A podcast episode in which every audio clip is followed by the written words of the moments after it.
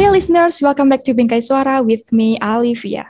For today's episode, we have the queen of angsty pop rock, whose song Dress hits 35 million global streams. We have Charlotte Sands.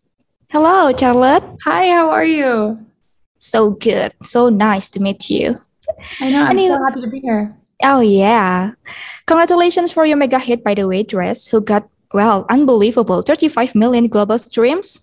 Well, Thank you. interesting.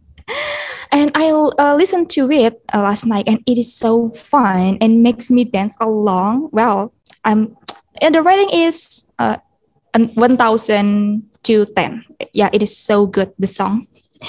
Oh, thank you. And also, congratulations too for your latest song, Tantrum, that I also checked your song, Tantrum, the latest song. But for today's episode, we will talk about your song, Dress. All right. Anyway, are you in Philadelphia right now? If I might ask. Um, I'm currently I will be in Philadelphia tomorrow. I'm Oh, playing a show tomorrow night, yes. Okay, so you are in Boston now. Yes. Okay. Could you please explain your fun tour in Boston? Yeah. Um, so yesterday we played um in Boston, and that's actually where I'm from. So it was my hometown show, which was really exciting. I got to see my whole family. Um, and yeah, we it was a sold out show, so it was really, really fun. And then um today was our day off, so we got to just go and hang out in the city, and then we play in Philadelphia tomorrow. But we've been on tour for I think seven weeks now, and we only have about three shows left. So it's it's been crazy, but I'm I'm loving every second of it.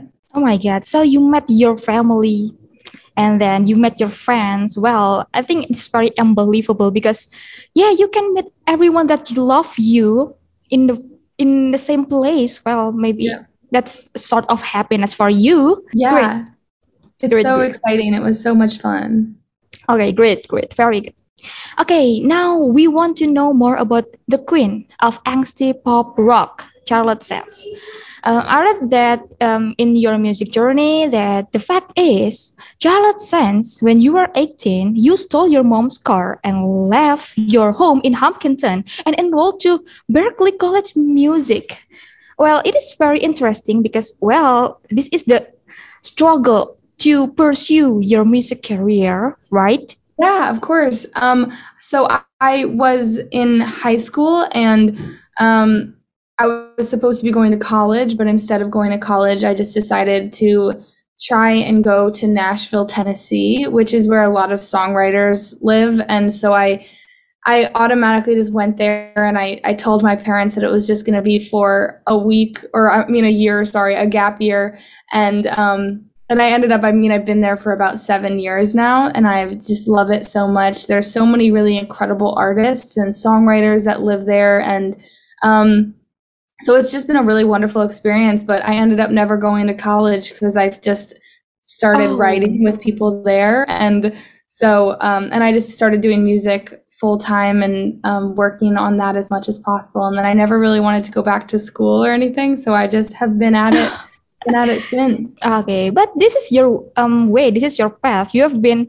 You are now as a queen of angsty pop rock. So yeah, maybe this is uh what uh your destiny is Yeah, to be a great so. songwriter.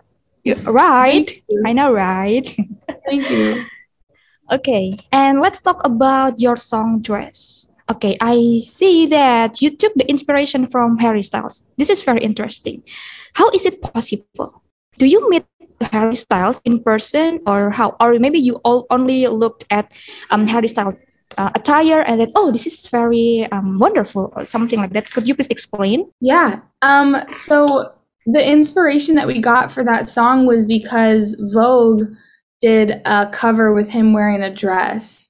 Mm-hmm. and he was wearing a dress on the cover and there were a lot of people in the states who were upset about him wearing a dress and saying that it Mm. wasn't masculine and that men shouldn't wear dresses. And there was a lot of conversations about that. And so the song was originally written about um, being attracted to somebody because of who they are and and that they're expressing themselves and they're confident in what they're wearing and who they are. And it doesn't have to be um, the typical view of what a man or woman should wear it should just be if people are happy then that's attractive. And so that's kind of what we wrote the song about was just um, this having this like um, self-expression and the confidence to be expressive and um, and he was one of the people who we saw that was really doing that. And he's such a big artist and such an incredible artist that um, it's a, such a huge deal for somebody like that to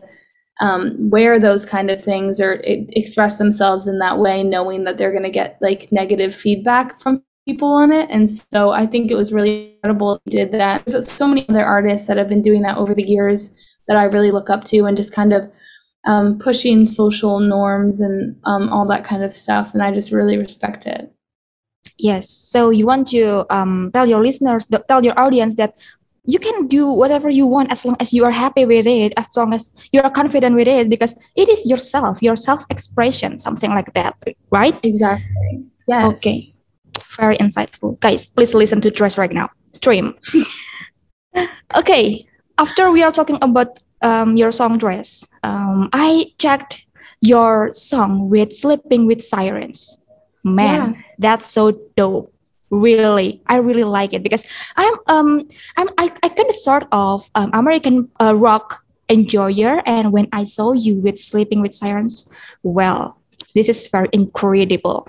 And could you please um, tell us the most interesting in experience in working with sleeping with sirens maybe is there any challenging experience or sure. maybe you um, have something interesting in working with sleeping with sirens yeah absolutely. I mean it is really funny. The singer Kellin Quinn is a huge idol of mine and is just one of the most incredible vocalists in that scene. And he can sing these like incredible high notes that are i can't even touch. And he's he's really unbelievable.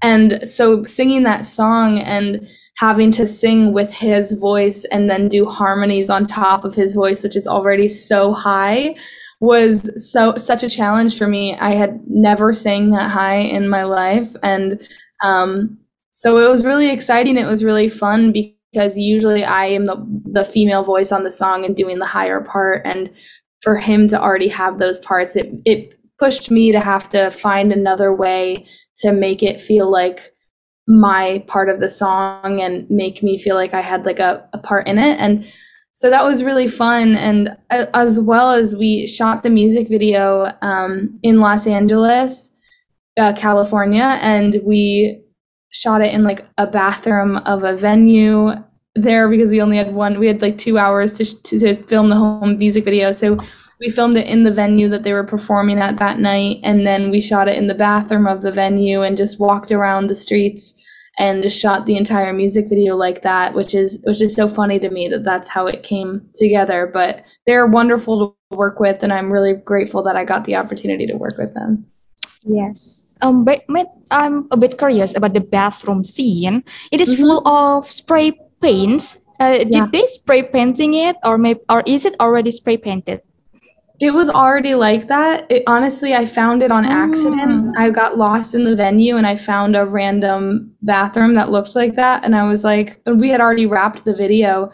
And I um, was like, we should just shoot a few scenes in this bathroom that looks really cool. And so we ended up doing that. And then we ended up using it for a lot of the video. Well, good choice.